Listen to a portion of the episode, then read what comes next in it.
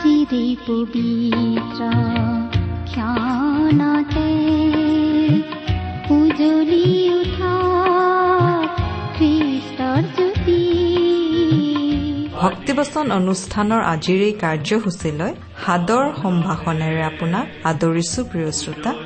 আজিৰ এই অনুষ্ঠানত আপোনাক লগ পাই বৰ ভাল লাগিছে। আশা কৰোঁ আপুনি ভালে কুশলে আছে। ভক্তিবচন অনুষ্ঠানত প্ৰচাৰ হোৱা ঈশ্বৰৰ বাক্যসমূহে আপোনাক কেনেদৰে সহায় কৰিছে জানিবলৈ আমাৰ বৰ মন যায়। কেতিয়াবা দুষাৰিমান আমালৈ লিখি পঠিয়াবচোন। আমাৰ ঠিকনাতে অনুষ্ঠানটিৰ শেষত কোৱা হ'ব। আপুনি কলম আৰু কাগজ সাজু কৰি থব। ঈশ্বৰৰ যি দয়া কৰোণা আমি পাইছো তাকেই এই অনুষ্ঠানৰ যোগেৰে জনাবলৈ পাই আমি অতি আনন্দিত। আপোনাৰ পৰাও জানিবলৈ পালে আমি বৰ বেছি উৎসাহিত হওঁ। কিয়নো ঈশ্বৰে আমাক সকলোৰে যত্ন লয়। আপোনাৰো যত্ন লৈ আছে।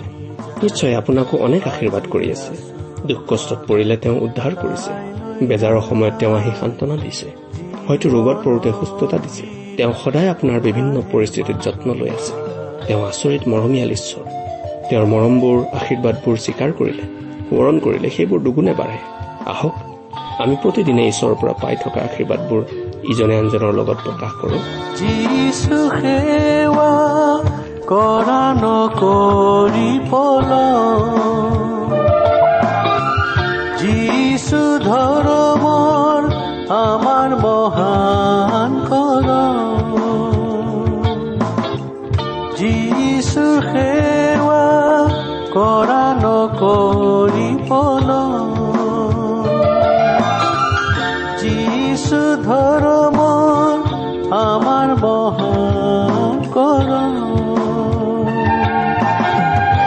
সময় মিছাতে নকৰিবা ক্ষয় যিছুৰ সেৱাৰ এই সময়। আজি আছো আমি কাইলৈ নাই। জীৱনত আমাৰ মহান ত্ৰাণকৰ্তা প্ৰভু যীশুখ্ৰীষ্টৰ নামত নমস্কাৰ প্ৰিয় শ্ৰোতা। আশা কৰো আপুনি ভালে কুশলে আছে। প্ৰিয় শ্ৰোতা আপুনি বাৰু আমাৰ এই ভক্তিবচন অনুষ্ঠানটো নিয়মিতভাৱে শুনি আছেনে? এই অনুষ্ঠান সম্বন্ধে আপোনাৰ মতামত আদি জনাই আমালৈ চিঠি পত্ৰ লিখিছেনে বাৰু? অনুগ্ৰহ কৰি আজি এই দুষাৰিমান লিখি পঠিয়াবচোন।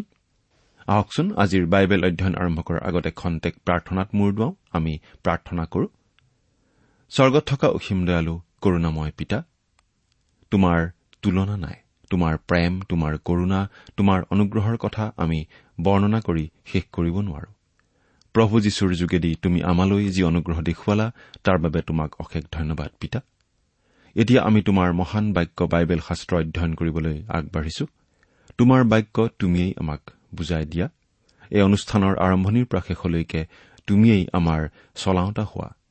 অনুষ্ঠান শুনি থকা প্ৰতিজন শ্ৰোতাৰ জীৱনত তোমাৰ মহান অনুগ্ৰহৰ আশীৰ্বাদ প্ৰকাশ পাই উঠিবলৈ দিয়া। কিয়নো এই প্ৰাৰ্থনা আমাৰ মহান ত্ৰাণকৰ্তা প্ৰভু যীশুখ্ৰীষ্টৰ নামত আগবঢ়াইছো। আহমেন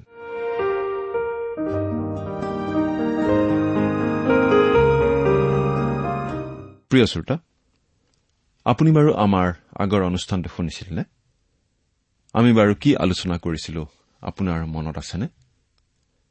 আপুনি যদিহে আমাৰ এই অনুষ্ঠানটো নিয়মিতভাৱে শুনি আছে তেনেহলে আপুনি নিশ্চয় জানে যে আমি এতিয়া বাইবেলৰ পুৰণি নিয়ম খণ্ডৰ চলোমনৰ পৰমগীত নামৰ পুস্তকখন অধ্যয়ন কৰি আছো। নহয় জানো? যোৱা অনুষ্ঠানত আমি এই পৰমগীত পুস্তকখনৰ এক নম্বৰ অধ্যায়ৰ এঘাৰ নম্বৰ পদলৈকে পঢ়ি আলোচনা আগবঢ়ালো। গতিকে আজি আমি বাৰ নম্বৰ পদৰ পৰা আলোচনা আৰম্ভ কৰিব খুজিছো। এই পৰমগীত পুস্তকখন আচলতে প্ৰেমৰ কবিতা। চলোমন ৰজা আৰু এগৰাকী চুলেমীয়া ছোৱালীৰ প্ৰেমৰ কবিতা। কিন্তু ইয়াৰ মাজেৰে আচলতে প্ৰভু যীশুখ্ৰীষ্ট আৰু তেওঁৰ বিশ্বাসী মণ্ডলীৰ মাজৰ প্ৰেমৰ কথা প্ৰকাশ কৰা হৈছে। গতিকে আমি পুস্তকখন সেইটো ভাৱতহে অধ্যয়ন কৰিব লাগে। এই কথা আমি আগতেও উল্লেখ কৰি আহিছো। এতিয়া আমি বাইবেলৰ পৰা চাই যাওঁ হওক। আপোনাৰ লগত যদি বাইবেল আছে অনুগ্ৰহ কৰি চাই যাব। নহলে আমি পাঠ কৰি দিম অনুগ্ৰহ কৰি শুনিব। বাৰ নম্বৰ পদটো পাঠ কৰি দিছো। চলোমনৰ পৰম গীত প্ৰথম অধ্যায়ৰ বাৰ নম্বৰ পদ। যেতিয়া ৰজা ভোজনৰ সভাত বহি আছিল তেতিয়া মোৰ জতামাংসীয়ে সুগন্ধ প্ৰদান কৰিছিল। এই বাৰ নম্বৰ পদত আমি পাওঁ ৰজাৰ ভোজৰ মেজৰ কথা। আমি যদি ৰজাজনক প্ৰভু যীশু সেই চুলেমীয়া ছোৱালীজনীক মণ্ডলী আৰু ভোজত বহাসকলক নিমন্ত্ৰিত অতিথি বুলি ধৰি লওঁ তেন্তে আমি জানো যে ইয়াত মণ্ডলীৰ কৰণীয় কাম অধিক। মণ্ডলীৰ জতামাংসীৰ সুবাসে নিমন্ত্ৰিত অতিথিসকলক সুগন্ধ দি থাকিব লাগে। তেওঁলোকৰ অৰ্থাৎ ভাই ভনীসকলৰ সৎকৰ্মই নিমন্ত্ৰিত অতিথিসকলক এনে আকৰ্ষণ দান কৰিব যে তাৰ কাৰণে তেওঁলোকেও আমাৰ পিতৃ ঈশ্বৰৰ স্তুতি কৰিব। আমাৰ মণ্ডলীবিলাকৰ পৰা এইখিনি আশা কৰিব পাৰিনে বাৰু? এতিয়া তেৰ নম্বৰ পদটো পাঠ কৰি দিছো। যি গন্ধৰসৰ টোপলি মোৰ দুই স্তনৰ মাজত থাকে মোৰ আগত মোৰ প্ৰিয় সেই টোপলিৰ নিচিনা। জতামাংসীৰ টেমাটো সেই চুলেমাইটৰ বুকুৰ সোঁমাজত ৰখা থাকে। অখ্ৰীষ্টীয় জগতৰ বাবে জতামাংসীৰ আমোলমূলীয়া গোন্ধখিনি অৰ্থাৎ মণ্ডলীৰ সৎকৰ্মখিনি বৰ আকৰ্ষণীয়। আৰু সেই আকৰ্ষণ মণ্ডলীৰ বুকুৰ সোঁমাজত থাকিব লাগে। কিন্তু মণ্ডলীৰ আকৰ্ষণ আকৌ সদায় প্ৰভু যীশুখ্ৰীষ্টহে হ'ব লাগে। মণ্ডলীৰ আগত প্ৰভু যীশুখ্ৰীষ্ট বুকুৰ মাজত থকা জতামাংসী টেমাটোৰ নিচিনা হ'ব লাগে। বাইবেলত আমাক এনেদৰে সকীয়াই দিয়া হৈছে ফিলিপিয়া চাৰি নম্বৰ অধ্যায়ৰ আঠ নম্বৰ পদত এনেদৰে লিখা আছে। পাঠ কৰি দিছো। শেষতে হে ভাইবিলাক যি যি সত্য যি যি আদৰণীয় যি যি ন্যায় যি যি শুদ্ধ যি যি প্ৰিয় যি যি সুখ্যাতিযুক্ত যিকোনো সদ্গুণ আৰু যিকোনো প্ৰশংসা হওক সেই সকলোৰে আলোচনা কৰা। অৰ্থাৎ আমি অনবৰতে খ্ৰীষ্টকেই ধ্যান কৰি থাকিব লাগে। আমাৰ ভাৱ চিন্তা ঠিকে থাকিলে বাকী সকলো ঠিক থাকিব। এজন লোকে এনেদৰে কৈছিল যেতিয়া মই ৰাতি শুবলৈ যাওঁ তেতিয়া গাত কাপোৰখন লৈ মই এই বুলি কওঁ প্ৰভু যীশু মই তোমাক ভাল পাওঁ। এই বুলি কৈ মই টোপনি যাওঁ। আমি বাৰু শোৱাৰ সময়ত কি চিন্তা কৰো? প্ৰভু যীশুৰ কথা মনত পেলাওনে?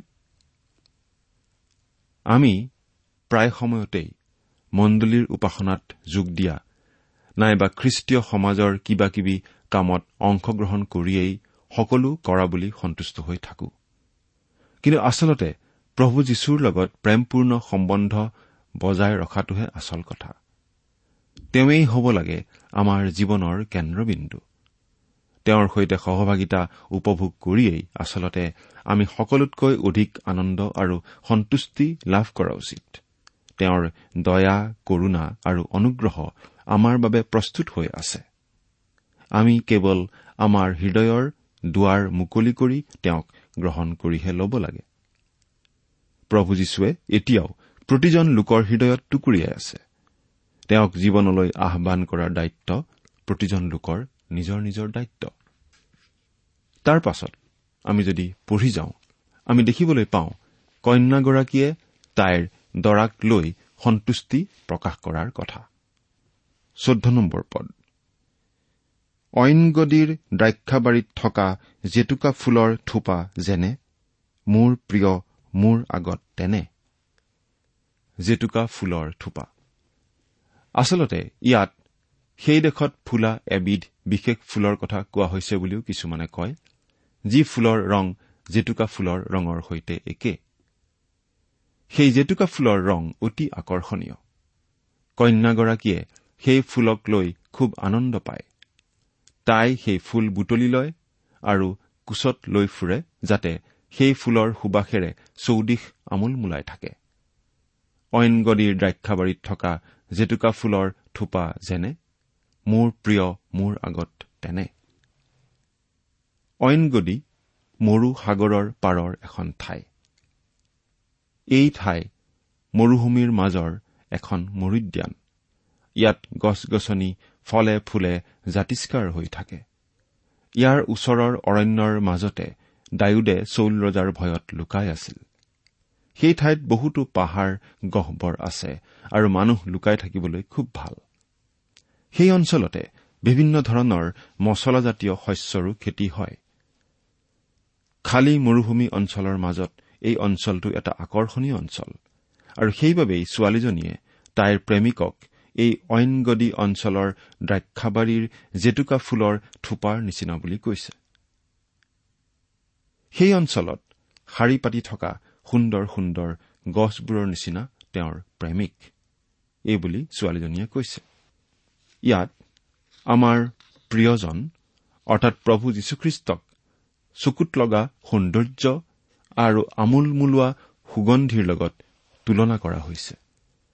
আমি খ্ৰীষ্ট যে ঈশ্বৰ সেই কথা সদায় কওঁ। কিন্তু আপুনি বাৰু তেওঁৰ ব্যক্তিত্বৰ কথা কেতিয়াবা চিন্তা কৰি চাইছেনে? তেওঁ যে কি সুন্দৰ আকৰ্ষণীয় মনোমোহা চৰিত্ৰৰ অধিকাৰী সেই কথা কেতিয়াবা কল্পনা কৰি আপুনি চাইছেনে বাৰু? তেওঁ এই জগতলৈ নামি আহি আমাৰ নিচিনা মানুহ হৈ জন্মধাৰণ কৰিছিল। তেওঁ আমাৰ নিচিনাকৈ সকলো প্ৰকাৰে প্ৰলোভনৰ মুখামুখি হ'ব লগা হৈছিল কিন্তু কেতিয়াও পাপ কৰা নাছিল। তেওঁ সম্পূৰ্ণ নিষ্পাপ। তেওঁত কোনো পাপ নাই। তেওঁ যে কি অপূৰ্ব মোহনীয়া ব্যক্তিত্বৰ অধিকাৰী তেওঁৰ ব্যক্তিত্বত কোনো অসামঞ্জস্য নাছিল। পুৰণি নিয়মত আমি ভক্ষ নৈবেদ্যৰ কথা পাওঁ। সেইটোৱে খ্ৰীষ্টৰ ব্যক্তিত্বক বুজায়। সেয়া আছিল মিহিকৈ সনা ময়দাৰে বনোৱা ৰুটি। কেতিয়াও কোনো লদা নথকা অতি মিহিকৈ মৰা ৰুটি। আমি কিন্তু প্ৰায় সকলোৱেই লদা থকা অসমান ব্যক্তিত্বৰ লোক। শাৰীৰিকভাৱে নহয় আমাৰ ব্যক্তিত্বৰ ক্ষেত্ৰত। আমি সকলোৱেই কিবা নহয় কিবা ক্ষেত্ৰত অলপ দুখ থকা অলপ অনিয়মীয়া কিন্তু খ্ৰীষ্টৰ ব্যক্তিত্বত কোনো খুট নাছিল। তেওঁ আছিল সম্পূৰ্ণ নিখুঁত। এই পৃথিৱীত জন্মগ্ৰহণ কৰা তেওঁই একমাত্ৰ শুদ্ধ সিদ্ধ নিভাজ পুৰুষ। তেওঁ মনোহৰ। তেওঁ জেতুকা ফুলৰ থোপাৰ দৰে। তেওঁৰ বিষয়ে সেইবাবে জোহন বাপ্তাইজকে অতি উৎসাহেৰে এনেদৰে ক'ব পাৰিছিল। জগতৰ পাপ বৈ নিয়া ঈশ্বৰৰ মেৰ পোৱালীক চোৱা। জোহন এক অধ্যায় ঊনত্ৰিশ নম্বৰ পদ। যদিহে আপুনি তেওঁৰ কথা শুনে তেনেহলে আপোনাৰ আত্মাই জীৱন পাব। গীত ৰচকে এই বুলি কৈছে গীতমালা চৌত্ৰিশ নম্বৰ গীতৰ আঠ নম্বৰ পদত যিহুৱা যে মংগলময় তাক তোমালোকে আচ্ছাদন কৰি চোৱা। তেওঁত আশ্ৰয় লওঁতা লোক ধন্য। প্ৰভু যীশু আছিল বলি। ইফিচিয়া পাঁচ নম্বৰ অধ্যায়ৰ দুই নম্বৰ পদত এনেদৰে লিখা আছে আৰু খ্ৰীষ্টে যেনেকৈ তোমালোকক প্ৰেম কৰি সুগন্ধৰ আঘ্ৰাণৰ অৰ্থে ঈশ্বৰৰ উদ্দেশ্যে নৈবেদ্য আৰু বলি স্বৰূপে আমাৰ কাৰণে নিজকে সোধাই দিলে তেনেকৈ তোমালোকেও প্ৰেম আচৰণ কৰা। তেওঁ পুৰণি নিয়মৰ দিনৰ জুইত আগবঢ়োৱা সেই নৈবেদ্যৰ জীৱন্ত ৰূপ। যি নৈবেদ্যৰ সুগন্ধ স্বৰ্গলৈ উঠি গৈছিল। এই সকলো কথাৰ পৰা এইটোৱেই প্ৰকাশ পায় যে খ্ৰীষ্টই আমাৰ পৰিত্ৰাণৰ অৰ্থে যিখিনি কৰি থৈ গ'ল সেইখিনিত ঈশ্বৰ সন্তুষ্ট। গতিকে তাত আৰু একো যোগ দিবলগীয়া নাই। আপোনাৰ মোৰ বাবে যীশুৱে সকলোখিনি কৰি থৈ গ'ল। প্ৰিয় শ্ৰোতা আপুনি বাৰু যীশুত সন্তুষ্টনে? বহুতো মানুহে যীশুতেই সম্পূৰ্ণ সন্তুষ্টি নিবিচাৰি জীৱনটো অপব্যৱহাৰ কৰে। থপলিয়াই ফুৰে সুখ শান্তি সমৃদ্ধি বিচাৰি। মানুহে কিবা নহয় কিবা এটা বিচাৰি ফুৰে। বহুতে আকৌ বাইবেলখনৰ বিভিন্ন তত্বক লৈ ইমান ব্যস্ত হৈ থাকে যে যীশুৰ কথাই পাহৰি যায়। কিন্তু যীশু নামৰ ব্যক্তিজনতহে সকলো সন্তুষ্টি আছে। তেওঁ অপূৰ্ব। জেতুকা ফুলৰ থোপা জেতুকা ফুলৰ থোপা বোলা কথাষাৰত আৰু এটা দৰকাৰী কথা সোমাই আছে। শাস্ত্ৰত যীশুৰ অদ্বিতীয় ব্যক্তিত্বৰ কথা অতি গুৰুত্ব সহকাৰে কোৱা হৈছে। তেওঁ পিতৃ ঈশ্বৰৰ একেজাত পুত্ৰ। তেওঁ একমাত্ৰ সজমেৰ ৰখীয়া। তেওঁ একমাত্ৰ প্ৰকৃত দ্ৰাক্ষালতা। তেওঁৱেই কেৱল জগতৰ পোহৰ। তেওঁ পিতৃৰ একমাত্ৰ দাস। তেওঁৱেই পাপৰ একমাত্ৰ প্ৰায়চিত্ৰ তেওঁৱেই একমাত্ৰ বাট একমাত্ৰ সত্য আৰু একমাত্ৰ জীৱন। তেওঁ অদ্বিতীয় তেওঁ সুন্দৰ তেওঁ স্বয়ং সম্পূৰ্ণ। তেওঁ এথোপা সুগন্ধি ফুলৰ নিচিনা। তেওঁতেই সকলোখিনি আছে। তেওঁৰ ব্যক্তিত্বতেই আমি পাওঁ অব্ৰাহামৰ বিশ্বাস ইউবৰ পবিত্ৰতা মুচিৰ নম্ৰতা এলিয়াৰ উৎসাহ জাকুবৰ কৌশল জোহনৰ প্ৰেম। সেই সকলো গুণ তেওঁত সম্পূৰ্ণ আৰু সিদ্ধ ৰূপত আছে। তেওঁতেই পোৱা যায় সত্য ধাৰ্মিকতা জ্ঞান প্ৰেম দয়া বন্ধুত্ব ৰাজকীয়তা সাৰ্বভৌমত্ব নম্ৰতা বিশ্বাস উৎসাহ আগ্ৰহ সাহস পবিত্ৰতা আৰু অনুগ্ৰহৰ সকলো বৰ। ইয়াত আমি যদি কিবা উল্লেখ কৰিবলৈ পাহৰি গৈছো সেইবোৰো আমি ইয়াত অন্তৰ্ভুক্ত কৰিব লাগে কাৰণ তেওঁৱেই সকলো তেওঁ সৰ্বে সৰ্বা। আৰু এইটো অতি আচৰিত কথা। কইনাজনীয়ে দৰাৰ প্ৰতি মৰম সনা কথা কোৱাৰ পাছত এতিয়া দৰাই কইনাগৰাকীক এই বুলি কৈছে পোন্ধৰ নম্বৰ পদ। হে মোৰ প্ৰিয়া চোৱা তুমি সুন্দৰী হয় তুমি সুন্দৰী। তোমাৰ চকুজুৰি দুটি কপৌৰ নিচিনা। এইজনী ছোৱালীয়ে আগতে কৈছিল মোলৈ নাচাবা কাৰণ মই কলি। ৰদে পুৰি মোক কলা কৰিছে। কিন্তু এতিয়া আমি দেখিছো যে দৰাই তাইক এই বুলি কৈছে তুমি সুন্দৰী তুমি বগী। হে মোৰ প্ৰিয়া তুমি সুন্দৰী তুমি বগী তুমি মনোমোহা। প্ৰিয় শ্ৰোতা আমি স্বভাৱতেই পাপী। আমি খ্ৰীষ্টৰ কন্যা। তেওঁৰ মণ্ডলী হিচাপে আমি তেওঁৰ কন্যা। কিন্তু আমি সকলো আচলতে পাপী। দানিয়েলৰ নিচিনাকৈ আমিও এই বুলি ক'ব পাৰো। দানিয়েলে কি কৈছিল আমি সেই কথা পাওঁ। দানিয়েল পুস্তকৰ ন নম্বৰ অধ্যায়ৰ পাঁচ নম্বৰ পদত। আমি পাপ কৰিলো অপৰাধ কৰিলো দুষ্কৰ্ম কৰিলো আৰু বিদ্ৰোহ আচৰণ কৰি তোমাৰ বিধি ও শাসন পথ ত্যাগ কৰিলো। আচলতে যীশুখ্ৰীষ্টত বিশ্বাস স্থাপন কৰা প্ৰতিজন লোকেই এইখিনি কথা ক'ব পাৰে। কাৰণ যীশুখ্ৰীষ্টত বিশ্বাস কৰা প্ৰতিজন লোকৰ জীৱনতেই আচলতে এইখিনি সঁচা কথা। যীশুখ্ৰীষ্টত বিশ্বাস কৰা কোনোজন লোকেই শুদ্ধ সিদ্ধ জীৱন যাপন কৰি থাকিব পৰা নাই। যীশুখ্ৰীষ্টৰ বিশ্বাসী মণ্ডলীত কিবা নহয় কিবা দুৰ্বলতা আছে। কিন্তু আমাৰ প্ৰভু যীশুখ্ৰীষ্টই আমাৰ বাবে পিতৃ ঈশ্বৰৰ আগত নিবেদন কৰি থাকে।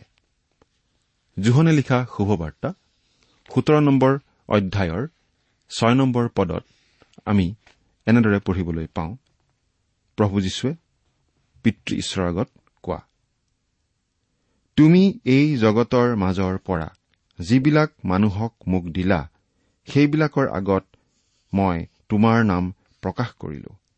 তেওঁবিলাক তোমাৰেই আছিল। তুমি তেওঁবিলাকক মোক দিলা আৰু তেওঁবিলাকে তোমাৰ বাক্য পালন কৰিলে। সেয়া আমাৰ হৈ প্ৰাৰ্থনা আগবঢ়োৱা আমাৰ মহাপুৰোহিত প্ৰভু যীশুখ্ৰীষ্ট।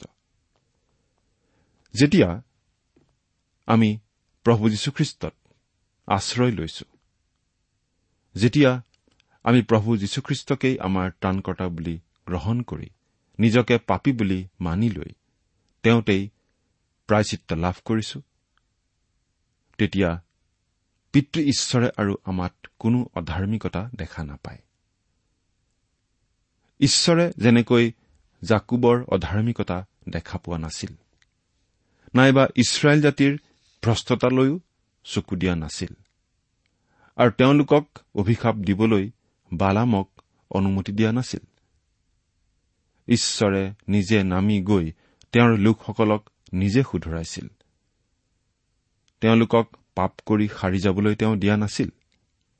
কিন্তু এজন পৰজাতীয় ভাৱবাদীৰ দ্বাৰা তেওঁলোকক অভিশাপ দিবলৈ ঈশ্বৰে অনুমতি দিয়া নাছিল। তেওঁ ইছৰাইল জাতিকো খ্ৰীষ্টতেই চাইছিল। আজিও তেওঁ আমাক তেনেকৈয়ে চায়। যেতিয়া আমি খ্ৰীষ্টত আশ্ৰয় লওঁ তেতিয়া পিতৃ ঈশ্বৰে যেতিয়া আমালৈ চায় আমাক তেওঁ খ্ৰীষ্টৰ মাজত দেখা পায় যি খ্ৰীষ্টই আমাৰ সকলো পাপৰ প্ৰায়চিত্ৰ কৰিলে ক্ৰুচত বোৱাই দিয়া তেওঁৰ পবিত্ৰ তেজেৰে। আৰু তেতিয়া আমাক ঈশ্বৰে সম্পূৰ্ণ ধাৰ্মিক ৰূপত দেখা পায়। আৰু সেইবাবে তেনেকুৱা অৱস্থাত আমাক এই বুলি ক'ব পৰা হয় চোৱা তুমি বগী তুমি সুন্দৰী। সেয়েহে আজি খ্ৰীষ্টই আমাক এই বুলি কয় চোৱা তুমি বগী তুমি সুন্দৰী। সেই সৌন্দৰ্যৰ ৰহস্যনো বাৰু কি? তোমাৰ চকু কপৌৰ নিচিনা। কপৌ চৰাই আজিও পবিত্ৰতা শান্তি আৰু মৃদুতাৰ প্ৰতীক। তাইৰ চকু তাইৰ দৰাতেই স্থিৰ হৈ আছিল। আৰু সেই কইনাৰ সৌন্দৰ্য আচলতে তাইৰ যোগেদি প্ৰতিফলিত হোৱা দৰাৰ সৌন্দৰ্যহে। প্ৰভু যীশুৱে এই বুলি কৈছিল মুঠিয়ে লিখা শুভবাৰ্তা ছয় নম্বৰ অধ্যায়ৰ বাইশ নম্বৰ পদ চকুৱেই শৰীৰৰ প্ৰদীপ। এই হেতুকে তোমাৰ চকু যদি ভালে থাকে তেন্তে তোমাৰ গোটেই শৰীৰ দীপ্তিময় হ'ব। তাই সেইবাবে সুন্দৰতাৰে পৰিপূৰ্ণ হৈছিল। তেইছ নম্বৰ পদত আমি পাওঁ মুঠি ছয় নম্বৰ অধ্যায়ৰ তেইছ নম্বৰ পদ কিন্তু তোমাৰ চকু যদি বেয়া হয় তেন্তে তোমাৰ গোটেই শৰীৰ অন্ধকাৰময় হ'ব। এতেকে তোমাৰ অন্তৰৰ পোহৰ যদি আন্ধাৰ হয় তেন্তে সেই আন্ধাৰেই কিমান গভীৰ? কোনো খ্ৰীষ্টীয় বিশ্বাসীয়ে যদি খ্ৰীষ্টলৈ চোৱাৰ সমানে আন কিবালৈও চায় তেনেহলে সেই বিশ্বাসীজনৰ কোনো সৌন্দৰ্য নাই খ্ৰীষ্টৰ দৃষ্টিত। এইটো এটা অপ্ৰিয় সত্য।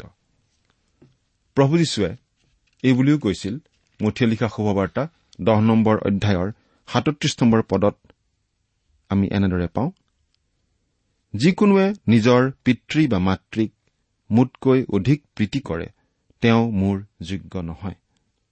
আৰু যিকোনোৱে নিজৰ পুতেক বা জীয়েকক মোতকৈ অধিক প্ৰীতি কৰে তেওঁ মোৰ যোগ্য নহয়। কথাখিনি অলপ হজম কৰিবলৈ আমাৰ টান লাগিব পাৰে। কিন্তু প্ৰভু যীশুৱে অতি স্পষ্টভাৱে কৈ দিছে যে আমাৰ জীৱনত তেওঁই প্ৰথম স্থান পাব লাগিব আৰু আমি একমাত্ৰ তেওঁতেই আমাৰ দৃষ্টি স্থিৰ কৰি ৰাখিব লাগিব। এই প্ৰশ্ন আজি আপোনাক আমি সুধিব খুজিছো। আপোনাৰ দৃষ্টি বাৰু যীচুত স্থিৰ হৈ আছেনে? আমি উৎসৰ্গিত জীৱন যাপনৰ বিষয়ে বহু কথাই শুনি থাকো। কিন্তু খ্ৰীষ্টৰ প্ৰতি আমি উৎসৰ্গিত জীৱন যাপন কৰিব যদি খোজো তেনেহলে সেই জীৱন মুখেৰে কোৱা কথা নহয়। খ্ৰীষ্টৰ প্ৰতি আমাৰ যি উৎসৰ্গিত জীৱন সেইটো কাৰ্যেৰে প্ৰকাশ কৰিবলগীয়া বিষয়হে। সেইটো আপোনাৰ জীৱনত প্ৰকাশ পাই উঠিবই। যদি আপোনাৰ চকু কেৱল যীচুতেই স্থিৰ হৈ থাকে তেনেহলে আপোনাৰ যোগেদি যীশুৰ সৌন্দৰ্য প্ৰতিফলিত হবই। দৰাই কইনাজনীক সুন্দৰী বোলাৰ পাছত এতিয়া কইনাজনীয়ে আকৌ দৰাক একেধৰণৰ প্ৰশংসাই কৰিছে। ষোল্ল আৰু সোতৰ নম্বৰ পদ। হে মোৰ প্ৰিয় চোৱা তুমি সুন্দৰ এনে কি তুমি মনোহৰ? আমাৰ শয্যা কেঁচাপতীয়া আমাৰ ঘৰৰ চুটি এৰছ গছৰ আৰু আমাৰ ঘৰৰ বৰ্গা দেৱদাৰুৰ। দৰা অৰ্থাৎ যীশুখ্ৰীষ্ট সেইসকলৰ বাবে ধুনীয়া যিসকলে তেওঁক বিশ্বাস কৰি গ্ৰহণ কৰিছে। তেওঁ সম্পূৰ্ণৰূপে মনোহৰ। প্ৰিয় শ্ৰোতা প্ৰভু যীশু আপোনাৰ বাবে মনোহৰ নে? তেওঁৰ সৈতে কটোৱা সময় অতি মধুৰ হয়। তেওঁই আমাৰ জীৱনলৈ শান্তি আনিব পাৰে। তেওঁত আপুনি সন্তুষ্টনে পিতৃ ঈশ্বৰ কিন্তু তেওঁত সন্তুষ্ট। ইয়াত বিচনা মানে আচলতে খোৱাৰ সময়ত আউজি লোৱা চোফাখনৰ কথাহে কোৱা হৈছে। বিবাহৰ সময়ত ভোজ খোৱা ঠাইৰ এনে চোফা সেউজীয়া পাত আৰু ফুলেৰে সজোৱা হয়। আমি ভাবো সেউজীয়া বিচনাৰ অৰ্থও এইয়ে অৱশ্যে এই সেউজীয়া বিচনাই হয়তো ঘাঁহনিও বুজাব পাৰে আৰু যেতিয়া তেওঁলোকে প্ৰথমতে লগ পাইছিল সেই ঘাঁহনিৰ ওপৰতে হয়তো জিৰণি লৈছিল। প্ৰিয় শ্ৰোতা খ্ৰীষ্টই আমাক এনেধৰণৰ জিৰণি দিব পাৰে। তেওঁ আমাক সম্পূৰ্ণ সন্তুষ্ট কৰি সম্পূৰ্ণ জিৰণি দিব পাৰে। আপুনি বাৰু সেই জিৰণি আপোনাৰ জীৱনত গ্ৰহণ কৰিছেনে? ঈশ্বৰে আপোনাক আশীৰ্বাদ কৰক।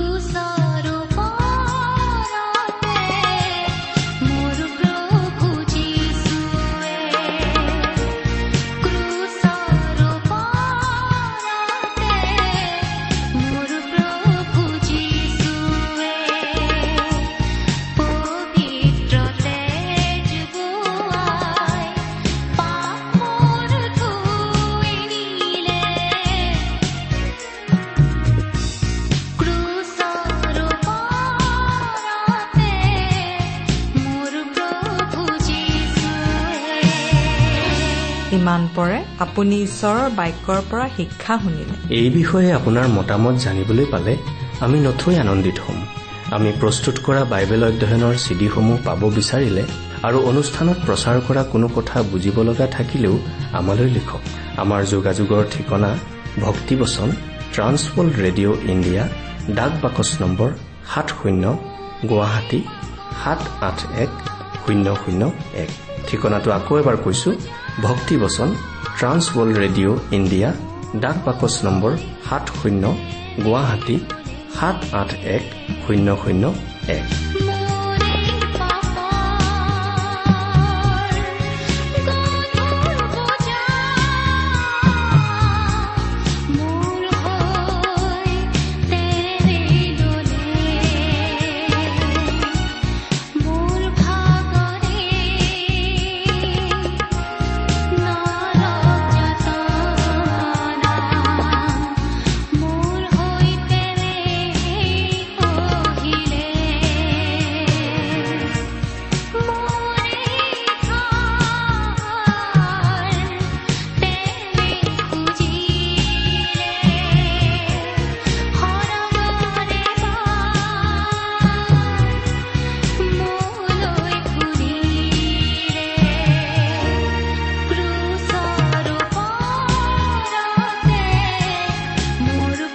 ইমেইল এড্ৰেছটো হৈছে Assamese T TV at the rate radio' eight eight two dot com আমাৰ website W W W dot T W R dot in আপুনি টেলিফোনৰ মাধ্যমেৰেও আমাক যোগাযোগ কৰিব পাৰে।